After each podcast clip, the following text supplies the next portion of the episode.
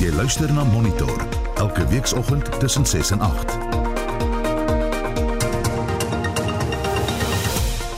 Twaalf net oor 7 in monitore bedrag van meer as 130 miljard rand uit die buiteland om Eskom van steenkool te speen, hou glo groot voordele vir die land in.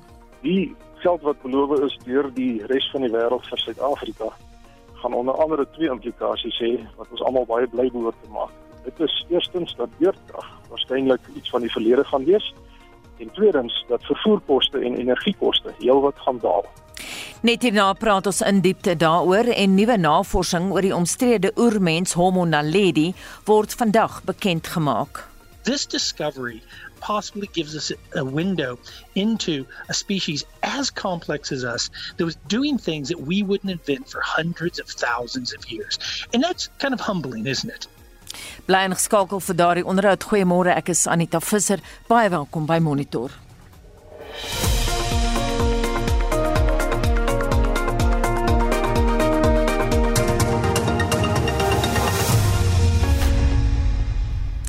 Van die wêreld se grootste en sterkste moondhede onder meer Brittanje, Frankryk en die FSA het by die COP26 beraad in Glasgow beloof om 131 miljard rand te bewillig om Suid-Afrika se kool-aangedrewe ekonomie te hervorm. Vir meer oor die implikasies daarvan praat ons nou met professor Kobus van der Walt van die fakulteit Natuurwetenskappe aan Noordwes Universiteit. Goeiemôre Kobus. Goeiemôre Anita. Kobus, wat presies is in Glasgow beloof? Anita, ja, uh, dit is 'n dramatiese verandering eintlik van die vorige rade want skielik het die wêreld wakker geskrik. En hierdie 131 miljard is maar omtrent 'n vyfde van wat regtig nodig gaan wees om ons hele kragnetwerk uh, van steenkool af te kry. Maar daar word reeds gepraat van triljoene meer dollar wat beskikbaar gestel gaan word aan armer lande. Om te verstaan, jy weet waarom die die ryker lande van die wêreld nou skielik uh so so vrygewig is met die geld. Dit is miskien net kyk na die na die ehm um, die wetenskap afdryding. Uh, die die ouens het uiteindelik ingesien dat klimaatsverandering, mensgedrewe klimaatsverandering uh is 'n werklikheid. Uh die data is is onteensiglik en uh, mense kan nie eintlik meer daarteen stry nie. En toe het hulle begin om hulle eie ekonomie uh te omvorm na groener ehm um, weergawe, meer volhoubare weergawe. Maar die besef het vanaand tot hulle deurgedring, jy weet hulle is nou ryk en hulle het genoeg geld en hulle kan uh hernubare energiebronne op groot skaal in hulle eie lande redelik maklik installeer sonder om die mense se lewensstandaard dramaties te raak. Maar as dit help veel Amerika, maar byvoorbeeld nou maak sy ekonomie 100% groen, maar Suid-Afrika wat die wêreld se 12de grootste koolstofdioksied vrysteller is, bly so vuil soos wat ons tans is. Want vuil gasse laat hulle nie keer deur landsgrense of oseane of kontinente nie.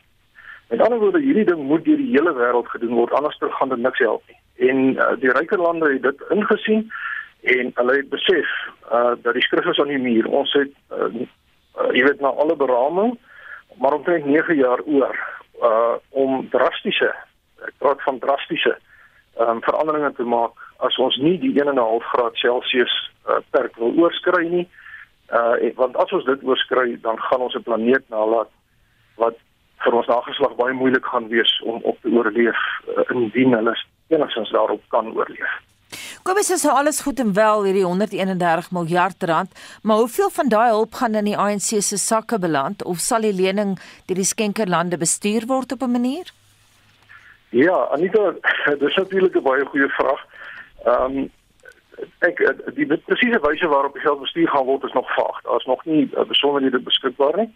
Maar wat vir my redelik logies is is dat gegee ons twyfelagtige rekord met betrekking tot staatskaping en korrupsie. Uh die geld nie eenvoudig aan ons regering of aan uh, enige instansie oorhandig gaan word met 'n versoek dat ons nou asseblief, jy weet, soos mooi soet kindertjies groen energieprojekte daarmee moet bou nie. Ek vermoed die skenkerlande gaan dit as 'n vereiste stel dat hulle uh steeds tot 'n groot mate die geld gaan beheer en ook toesig gaan hou oor die projekte. Uh, sodat ons nie in dieselfde slaggate trap as in die verlede nie soos byvoorbeeld ons ken die die die die data of die die gegee die Kusile kragstasie byvoorbeeld wat dubbel so lank geneem het om te voltooi as wat aanvanklik voorsien is het uiteindelike koste wat die oorspronklike begroting met 80 miljard rand oorskry. Dit is amper die hele 131 miljard wat ons nou kry van Oseaan. En daai kragstasie werk steeds nie uh so, soos hy behoort te werk. Mhm. Mm Kobus, um, iets pla my ja. nou. Jy het nou die ja. woord vermoed gebruik. Jy het gesê jy vermoed die skenkerlande gaan die geld bestuur, maar jy het dit nie as 'n feit gestel nie. Ja, nee, kyk, geen land ons is 'n 'n soewereine land. Geen land in die wêreld het die reg om vir ons voor te skryf nie. Ehm um, so hierdie is ons vermoedens. Daar is nog nie dit sal natuurlik agter die skerms gebeur onderhandelinge en so aan. Maar jy weet dan net as ons hierdie bus verpas. Ehm um, dan dink ek gaan die wêreld wat wat saamwerk aan klimaatsverandering uh, maatreëls sal eenvoudig vir ons sê ons gaan julle so isoleer ekonomies en andersins dat julle ekonomie heeltemal gaan inplof en daarvan julle in alle geval niks gaan oorbly wat die wêreld kan besoedel. Ehm um, so ek is ek ek ek ek kan eintlik logika sê vir my dat ehm um, jy weet kalmer gemoedere en en logiese denke gaan gaan hier ehm um, 'n rol speel en waarskynlik die bepalende rol speel. Ehm um, want enige mens wat by sy volle verstand is sal besef dat hierdie is 'n goue geleentheid ehm um, en dis eintlik uh, iets wat ons nie durf mis nie, nie net omdat dit gratis geld is wat hier op ons uh jy weet afgestort word nie, maar ook ter wille van 'n uh, groter saak en dit is die voortbestaan van die mense hier op aarde. Sê net vir my die implikasies vir gewone Suid-Afrikaners. Ons het vroeër 'n klankgreep van jou gebruik waarin jy gesê dit kan die einde van beerdkrag beteken. Ja, kyk uh, uh, die die huidige situasie in Suid-Afrika is dat 80% van ons elektrisiteit kom van steenkool af en ehm uh, die kragstasies die die meeste van hulle is dekades oud en eintlik baie naby aan uitbedryfstelling. Ehm um, en en dis hoekom die goed so gereeld breek. Dis waarom ons ehm um, die beurtkrag het. Nou as ons ons hele kragnetwerk omvorm um, na groen energie toe en hier moet ek iets byvoeg. Uh, battery tegnologie gaan met rasse skrede vooruit. Die hele wêreld is besig om om te kyk na batterye. En uh, dit is reeds moontlik uh, om batterye uh, te installeer wat dan nou son en windkrag kan opgaar in die dag en genoegsame kapasiteit het om die samelewing steeds snags van elektrisiteit te voorsien. Ehm um, en dan ander implikasies, uh, jy weet oor die oor die brandstof wat ek iets gesê, die brandstofpryse is nou baie hoog. Maar as ons nou kyk na uh weer eens die battery tegnologie en elektriese motors, uh, baie mense is nog skepties oor elektriese motors. Maar as mens nou kyk na die die nuutste motors soos byvoorbeeld ehm um, Tesla of een van die tipe motors wat ons nou nog nie in Suid-Afrika beskikbaar het nie, die goed sal natuurlik hier beskikbaar raak. Maar 'n Tesla versnel vinniger. Ek praat nou van 'n passasier is 'n dan motor, 4-5 sitplek motor. Hy versnel vinniger as baie van die sportmotors van vandag. En hy het 'n rykafstand van meer as 50 uh, 500 km. En die nuutste batterye maak dit moontlik om as die battery nou heeltemal pap is, om weer tot op 80% vol te laai in net 15 minute. Ehm um, en as mens dan nou kyk na die loopkoste van so 'n motor, Uh, kom ons maak 'n sommetjie as 'n ou 'n motortjie vat wat nou baie mense mee ry daar in die stad en sê nou maar jy kry gemiddeld van 16 km per liter in die stad. So dis nou 'n karretjie wat regtig lekker lig is op petrol. As jy hom met 'n tipiese elektriese motor vergelyk, ehm um, gestel jy ry 15000 km per jaar. As jy met die petrolkarretjie ry, gaan jy omtrent 19000 rand se petrol ingooi in daardie jaar. Terwyl as jy 'n elektriese motor het, gaan dit jou slegs 12000 rand se elektrisiteit kos om daai selfe afstand te ry. So dis amper 'n 40% besparing op jou brandstofkoste. Ehm um, en hierdie is natuurlik hoe groter en swaarder die voertuie word, hoe, meer is die voordele. So vragmotors sal ook elektries word, uh, wat natuurlik laer pryse teweeg sal bring vir alles wat vervoer word. Uh dit is sodat die aankoopprys van elektriese motors tans nog duur is Maar soos met enige gebruiksartikel sal dit goedkoper word, maar maak meer en meer daarvan vervaardig en verkoop word. Baie dankie en so sê professor Kobus van der Walt van die fakulteit Natuurwetenskappe aan Noordwes Universiteit. Die rand het kort na die verkiesing verswak. Dr. Rolof Botha, ekonomiese raadgewer van die Optimum Groep, sê hoewel die verkiesing nie werklik 'n impak op markte gehad het nie, was daar tog faktore wat die rand geraak het. Mense is altyd geneig as jy sien die rand verswak baie of selfs hy versterk baie. Ek dink as die luisteraars kan onthou toe president Ramaphosa verkies is wat die ANC se leier in Desember 2017 het die rand onmiddellik begin sterker word.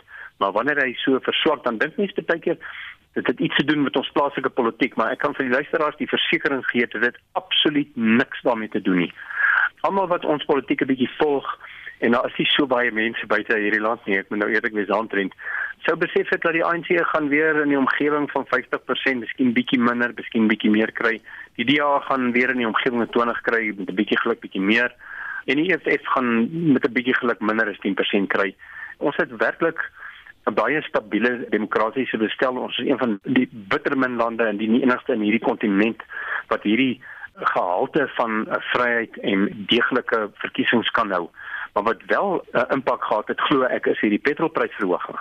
Want dit het 'n negatiewe uitwerking op groei. En mense belê in Suid-Afrika, veral in ons aandele en ons in ons ekonomie. Direk beleggings beteken omdat hulle verwag dat hierso 'n ontleikende ekonomie en hy gaan die toekoms groei, hy maatskappye gaan winste maak en dis hoekom hulle by ons belê. En dit het 'n negatiewe impak gehad, maar die grootste probleem wat ons nou het met die rand is hierdie verskriklike verswakking in die steenkoolprys en in die uiteraardsprys. Jy weet die steenkoolprys het nou in 'n kwessie van 3 weke het hy met amper 50%, hy het amper met die helfte verminder en die ysterertsprys het van middel Julie af met meer as die helfte verminder. Hy het gegaan van 220 dollar per ton na 96. Dit is baie sleg nuus vir ons mynbousektor. En uit die afsake is as die mynboumaatskappye nou in die volgende paar maande minder wins gaan maak, dan gaan die regering minder belastinginkomste van hulle afkry. Dit het 'n uh, beslisse uitwerking gehad op die wisselkoers. As ons nou die kwessie verder vat, wat sal die impak van die verkiesing op die ekonomie wees? Ek glo dat die impak van die verkiesing op die ekonomie gaan positief wees in die sin dat wanneer dit eers nou verby is nadat mense jy weet die kandidate van die partye nou allerhande goed beloof het en gedreig het dan is dit maar uh terug na normaal en wat in Suid-Afrika besig is om te gebeur en ingeligte mense weet hiervan is dat ons is besig om nie die radikale transformasie van die Zoopdas hulle het nie 'n idee gehad wat dit beteken nie. Dit was maar net 'n slagstreek. Die radikale transformasie wat ons nou sien op die beleidsterrein is een weg van die onbevoegdheid en die staatskaping en die korrupsie en die bedrog van die Zuma era na een waar president Ramaphosa en sy kabinet ook in die toekoms baie nouer saam met die private sektor werk. Hulle vra vir die private sektor in op 'n sektorbasis binne in sektore soos die staalbedryf, soos die katoenbedryf en iets meer. Wat kan ons doen saam om te sorg dat ons werk skep om te sorg dat hierdie bedryfstak groei. En dit is wat presies wat ons nou onlangs gesien het met die sement invoere waar die regering gesê het geen ingevoerde sement al die goed wat van Pakistan en China afkom, hou ek van om te glo, sal gebruik word in die staat se infrastruktuurprogramme. Dis die tipe beleid wat ons nodig het in Suid-Afrika om groei aan te wakker en werk te skep. En dit is waarheen president Ramaphosa op pad is. En ingeligte waarnemers internasionaal besef dit. En hulle besef ook dat Suid-Afrika is is bly die hoop vir hierdie kontinent. En dit is 'n kontinent wat moet in die volgende klompie jare geweldig baie groei, veral weens die demografie. Gepraat van alternatiewe werkskepping.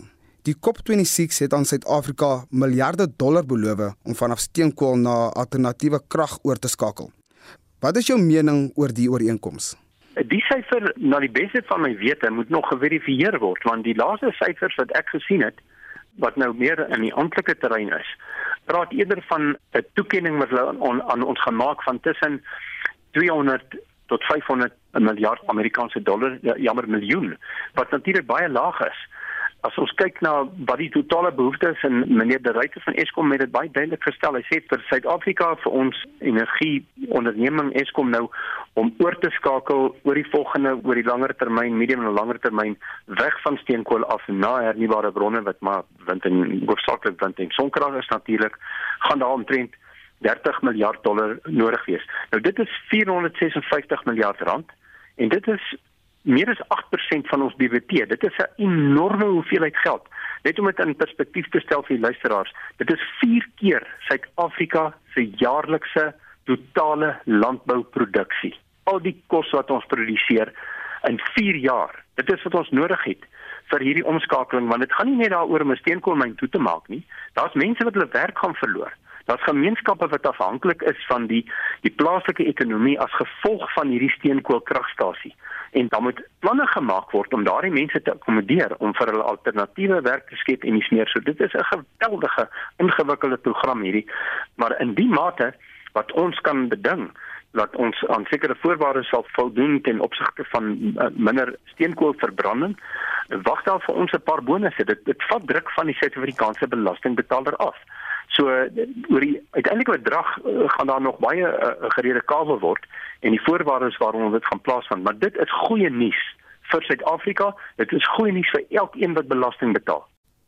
So sê Rolof Botha, ekonomiese raadgewer by die Optimum Groep, het met Vincent Mofokeng gepraat.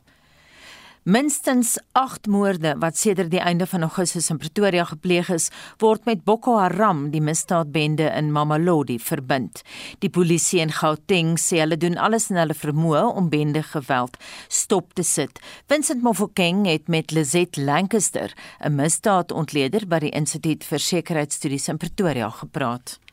So natuurlik het ons nie noodwendig inligting van hoe groot die Boko Haram bende is of die wegbreekgroep die Bafara Sai groep.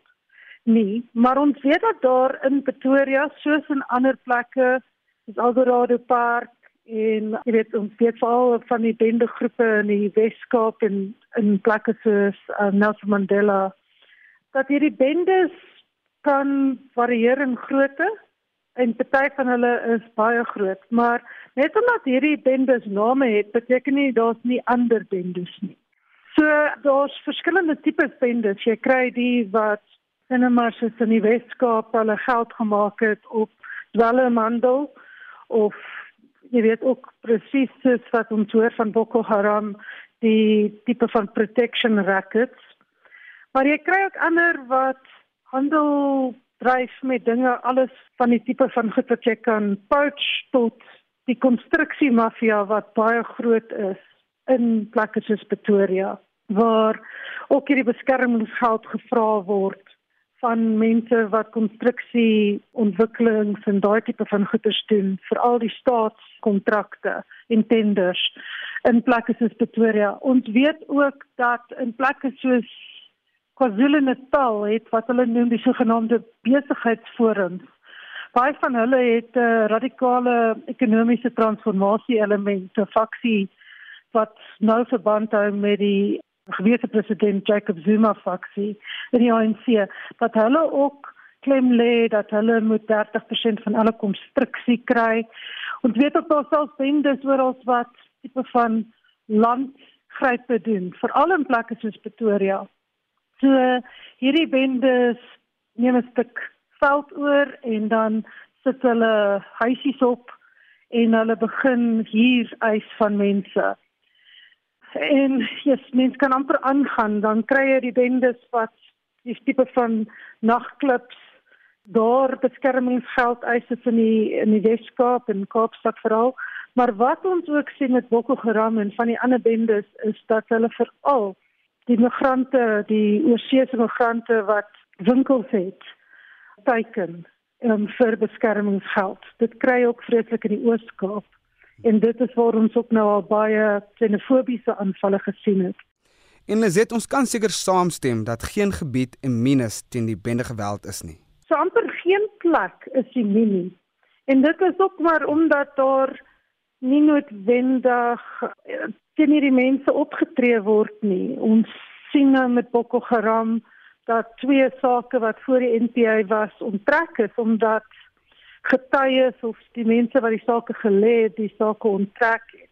Hmm. En dit verstaan jy soms want hierdie mense is bitter gevaarlik.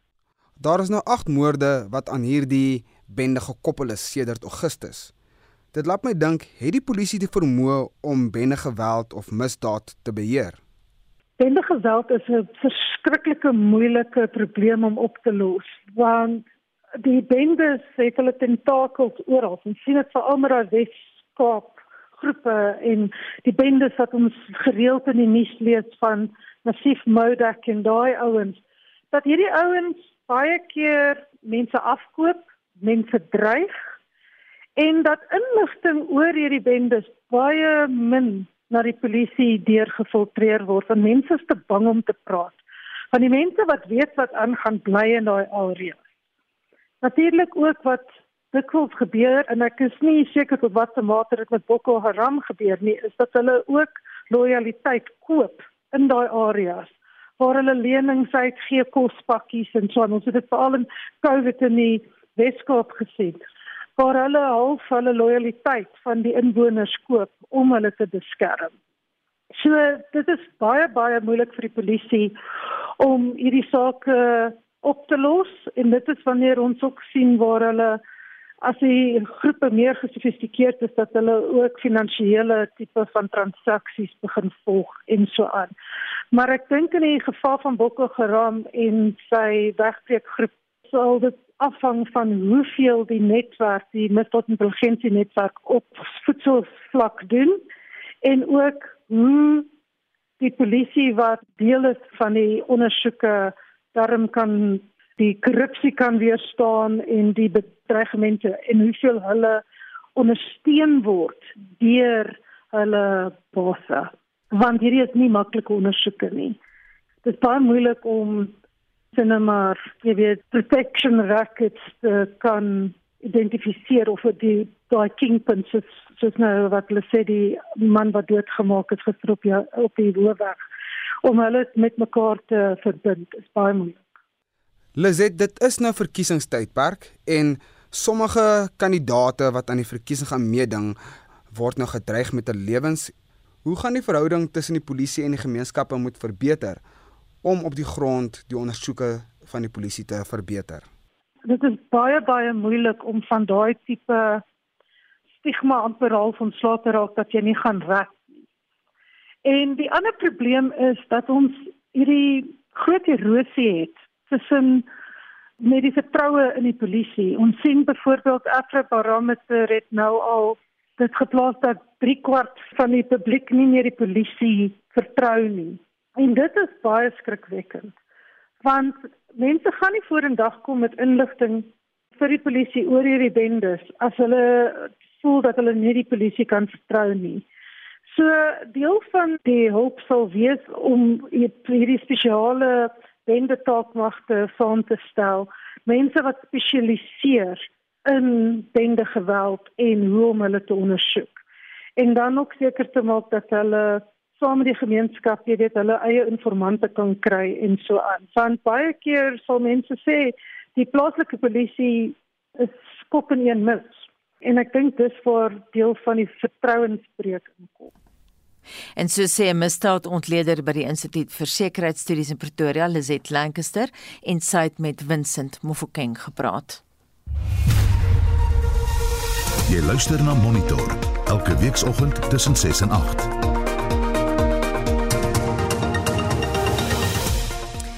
7:35 die hoofnuus die verkiesingsuitslag vir die Nelson Mandela Bay Metro is bekend.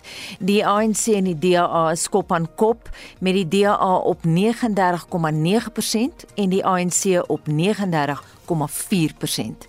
Die Suid-Afrikaanse skrywer Diamond Galgood het die gesogte Boekerprys gewen vir sy roman The Promise. En nuwe navorsing oor die omstrede oermens Homo naledi word vandag bekend gemaak. This discovery possibly gives us a window into a species as complex as us that was doing things that we wouldn't invent for hundreds of thousands of years. And that's kind of humbling, isn't it? Bly ingeskakel.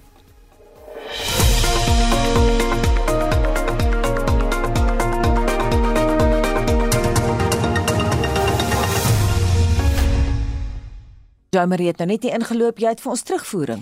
Ja, en die vraag vanoggend gaan oor die koalisievorming in minstens 62 munisipaliteite wat reeds aan die gang is.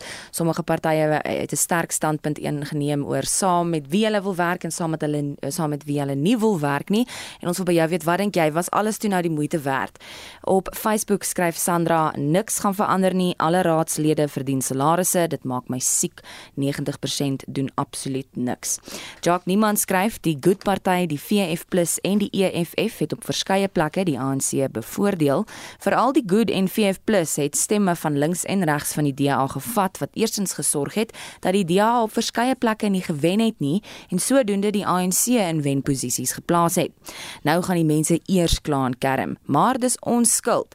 As ons van mekaar verskil, stig ons mos net 'n kerk of nog 'n politieke party. En dan is daar ook terugvoer op die WhatsApp lyn kos luister. Hierdie verkiesing wat plaasgevind het, is die begin van 'n omswaai of na die negatiewe kant of na die positiewe kant. Die mense wat nie gestem het nie, hulle gaan nou ontwaak en dan gaan daar iets gebeur. Ja, nou is dit koalisietyd. Hoe het Lenin gesê? The best way to control the opposition is to lead it ourselves. Ja, ek dink dit was die moeite werd om op die 1 November te kon stem. Um, ek het nie in hierdie wijk gestem nie, maar ja, my wijk is gouda. Ons partye is op die trant om mekaar goed die stryd aan te sê, maar een party het toe uh, bo uitgekom.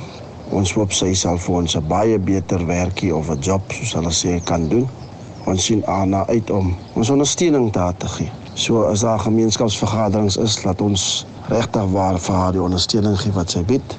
En dit kan net lei tot baie beter dienslewering hier op Gouda.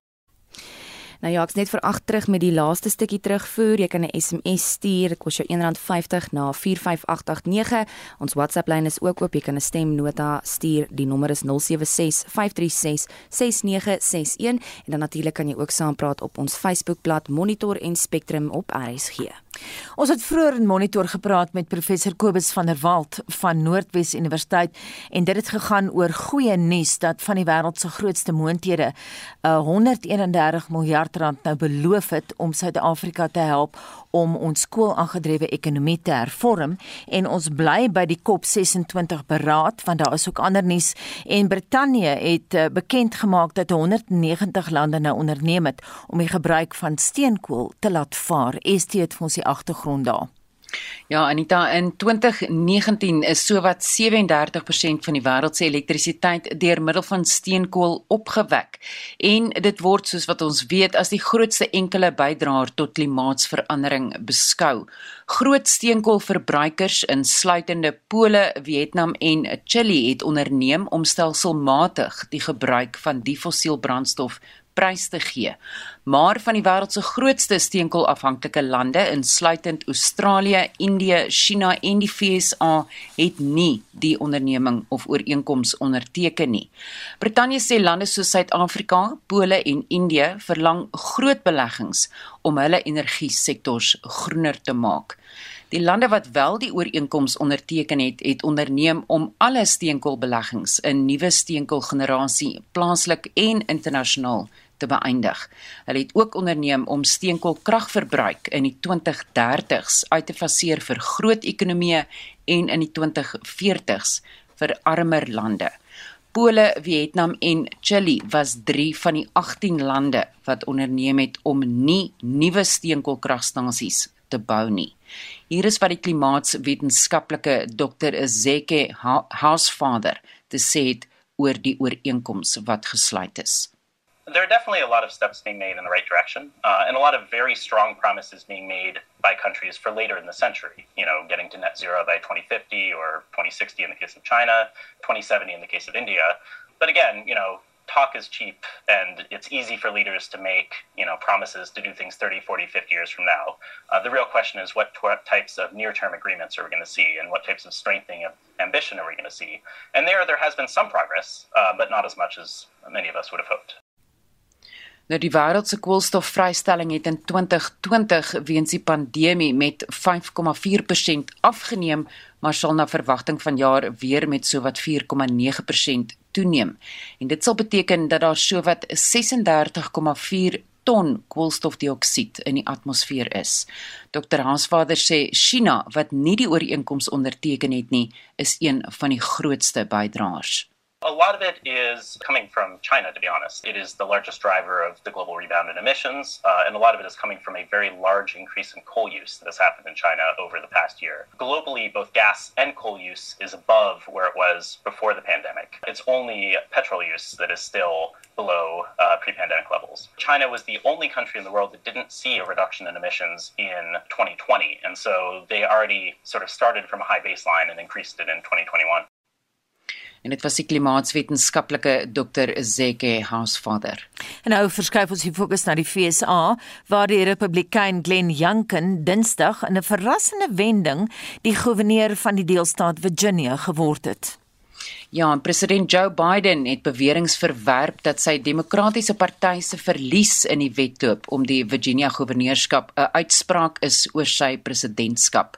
By die Withuis gister is Biden uitgevra of hy verantwoordelikheid aanvaar vir sy party se nederlaag in Virginia. Hy het gesê kiesers is ontstel oor talle dinge wat wissel van die pandemie, onderwys, die ekonomie en die petrolprys. Hier is die BBC se korrespondent in Noord-Amerika, David Willis. Mr. Youngkin, the first Republican governor of Virginia in more than a decade. And all of this will prompt some soul searching, I think, amongst uh, Democratic Party members, not least because these were both uh, states that uh, Joe Biden won comfortably just a year ago, which begs the question what has happened to Democrat support in the last 12 months? Die demokrate het wel een belangrike oorwinning behaal in New Jersey. Phil Murphy is vir 'n tweede termyn as die goewerneur van die deelstaat verkies. En dis die eerste keer in 44 jaar dat 'n goewerneur herverkies word.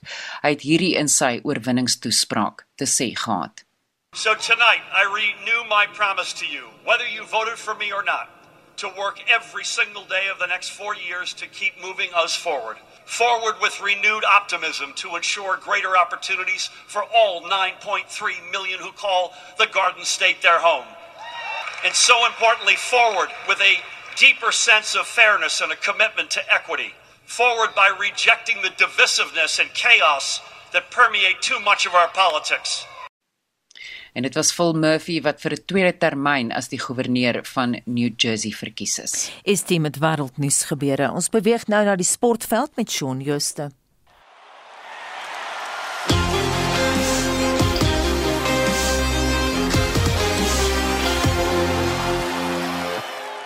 In die bydra oorwinnings vir Indië en Nieu-Seeland by die Cricket T20 Wêreldbeker toernooi, TSTV Premier Liga en Europese Kampioenligga uitslaa en Rusland en die VSA deur na die Billie Jean King beker halfeindstryde. In dit Afghanistan gister by die T20 Wêreldbeker toernooi in die Verenigde Arabiese Emirate oortuigend met 66 lopies geklop en al kanse om vir die halfeindstryde te kwalifiseer lewendig gehou. Hulle het nou 2 punte na 3 wedstryde.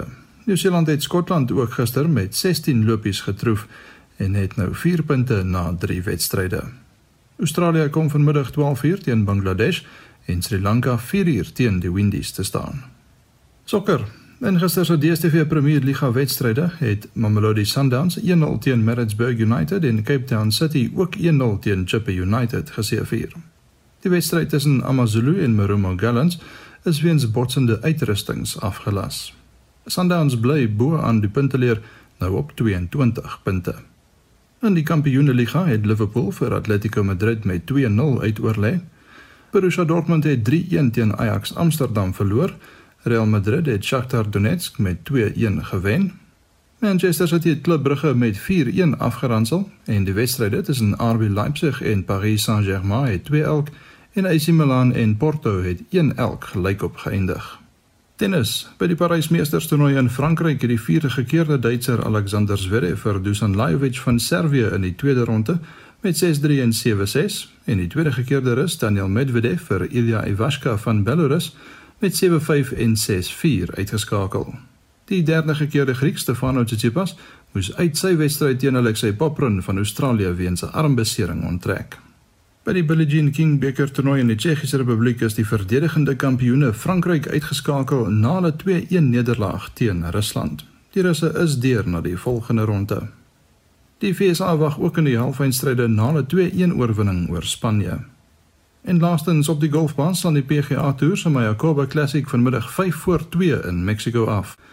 Die vier Suid-Afrikaners wat deelneem is Christian Besaidnout, Gary Kigo, Dylan Fratelli en Charles Schwartzel.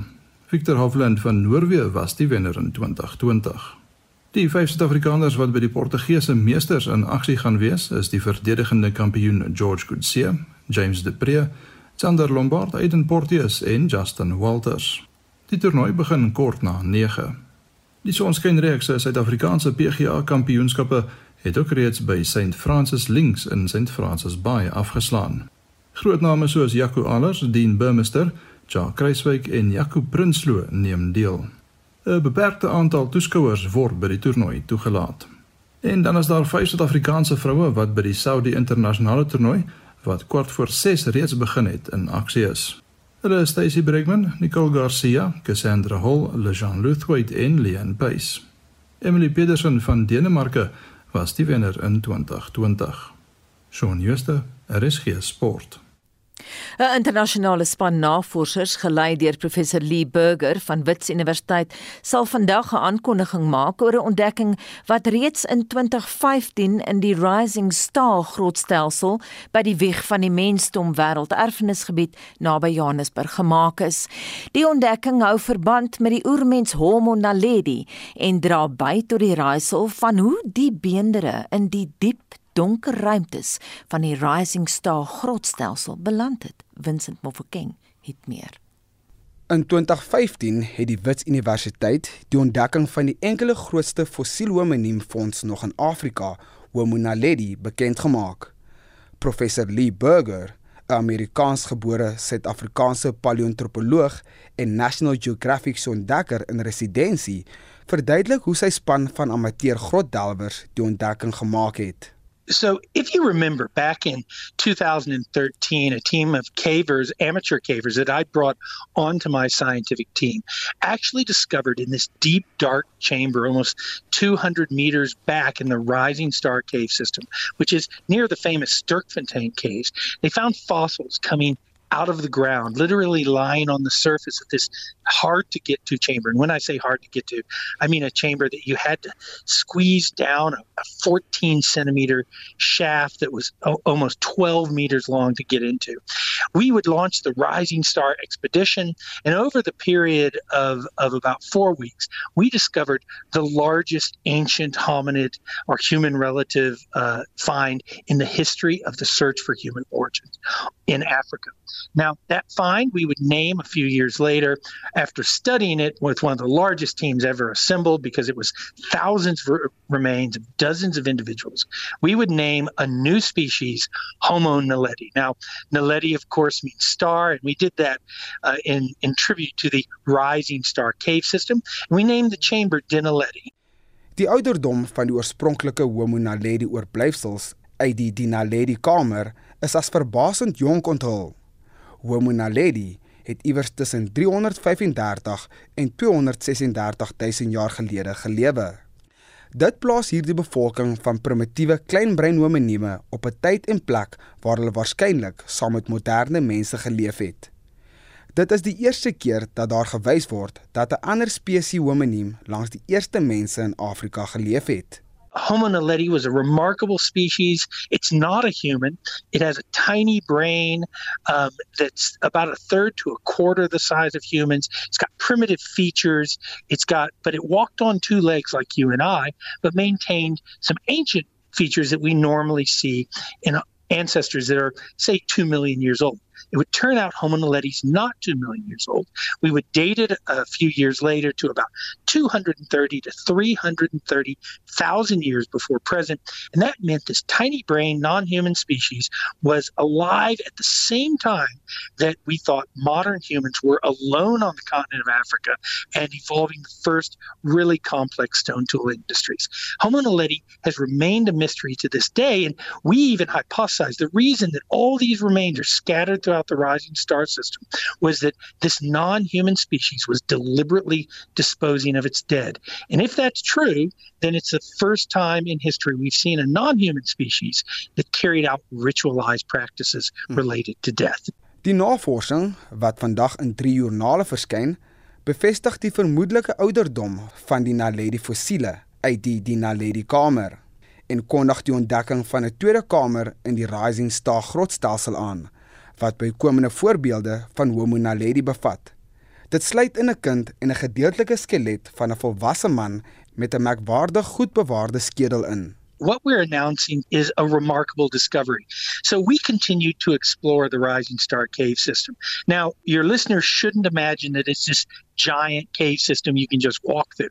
It's actually a network of tiny passages and tiny chambers.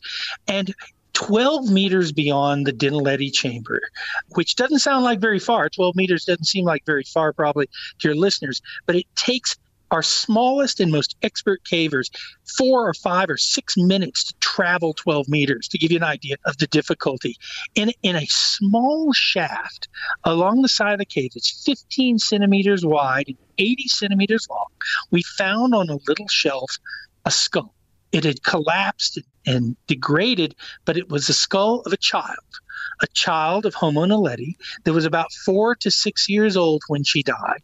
Uh, and we can see both her permanent dentition and her baby dentition, her baby teeth are in place in parts of her skull. And she, her skull is lying there alone with nothing else on a small shelf of limestone about 80 centimeters above the floor of the cave. No parts of her body were found, no mandible, no bones. And remember that children's or babies' bones are so fragile and brittle. They are probably the rarest things we find. Even though these hominids, these ancient human ancestors, are extremely rare, the children and babies are the rarest because their bones never survive. And here's this fragmented little skull there, all alone. Now, the skull is valuable for teaching us about the growth and development of Homo naledi, how they would have grown up as children. These are really important. But maybe what's most interesting about this find is that there is no damage of scavengers or predators. There's no evidence that the little skull was washed in there. It appears that someone, hundreds of thousands of years ago, placed that skull there. And the only candidates for that were other members of her own species. We've named the little skull, by the way, uh, uh, Letty, uh, after Letimella or the lost one, because of where she is all alone. And it's one of these wonderful mysteries that may allude to a extremely complex behavior that we thought only humans did that we may now be seeing more evidence of in Homo naledi. Burger sê laastens hulle het opgemerk dat die ontdekking 'n beduidende impak op ons interpretasie van argeologiese samestellings sal hê en die begrip van watter spesies uiteindelik oorleef het. Well, I think what's important is we're beginning to recognize, you know, humans can be a very arrogant species. and we all know that we kind of view the world as we view the world as we're masters of the world. We're different from the animal kingdom. We're somehow special, and we somehow got here in some special way. But now that we've begun with science to explore the deeper past, look at the things that emerged in the past, we see that we weren't unique in that, that there were these other potentially very very complex species that have existed far before us that may have been as complex as we are, but just in a very different way, exercising that complexity in a different way. This discovery uh, not only adds to our understanding of the biology of one of these extinct species, and particularly the biology of a child of one of these extinct species, but it also possibly gives us a window into a species as complex as us that was doing things that we wouldn't invent for hundreds of thousands of years. And that's kind of humbling, isn't it? It's a way for humans to understand that we're part of this natural system, not separate from it. Dit was professor Lee Burger, 'n Amerikaanse gebore Suid-Afrikaanse paleontropoloog en National Geographic se ontdekker in residensie. Ek is Vincent Mufokeng vir SAI Garnis. Ons wil vanoggend weet hoe het jy die verkiesing ervaar? Het jy soos wat sommige ontleeders sê, hulle praat van election fatigue, het jy dit ook nou? En wat sê ons luisteraars, Jamari? Ja, op Facebook skryf Johan, nou is daar minder ANC-lede wat gaan steel, nou sal daar dalk iets gebeur, maar die volk word nog geïntimideer en verstaan ongelukkig nie demokrasie nie. Hannes skryf ook op Facebook, almal gesien voor die Zondo-kommissie hoe korrup die ANC en sy kaders is. Die stem gaan nog steeds na hulle toe. Die R350 doen die ding vir ANC. Gaan my verstand te bowe. Dion skryf wel met uitsonderlike gevalle het partye meer as 50% gekry. As daar nie 'n koalisie plaasvind met so min stemme, sal ons 'n redelike nuwe tyd van demokrasie ingaan as elke party se wenners 'n sitplek kry, al is dit net een. Nou is dit nie een party stem nie, eh, eh, een party stem in raadsale nie, maar heelwat meer toutrekkery wat ek glo uitstekend gaan werk. En dan Rex Bester wat skryf alle kiesers wat gaan stem is bewus dat koalisies deel is van politiek. Daar is egter baie politiek binne die politieke partye betrokke. Koalisies het sy slaggate want verskeie faktore sal bepaal of die koalisie vernoot die regte kandidaat is. Samewerkende ooreenkomste sluit onder andere in dieselfde waardes en visie. Fundamentele verskille soos ideologiese verskille is 'n ander faktor en daarom is dit belangrik watter party gaan hulle by wie skaar om die regte vernoot te kies. Is die Johan Spectrum klink? Anita, ons bring vir ons luisteraars al die nuutste verkiesingsnuus en hoekom het meer as 200 robbe aan die Weskus gevrek?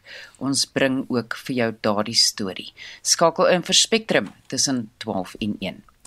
En dit bring ons aan die einde van die program. Dit was Monitor met ons uitvoerende regisseur Hendrik Martin, ons produksieregisseur Johan Pieterse en my naam is Anita Visser.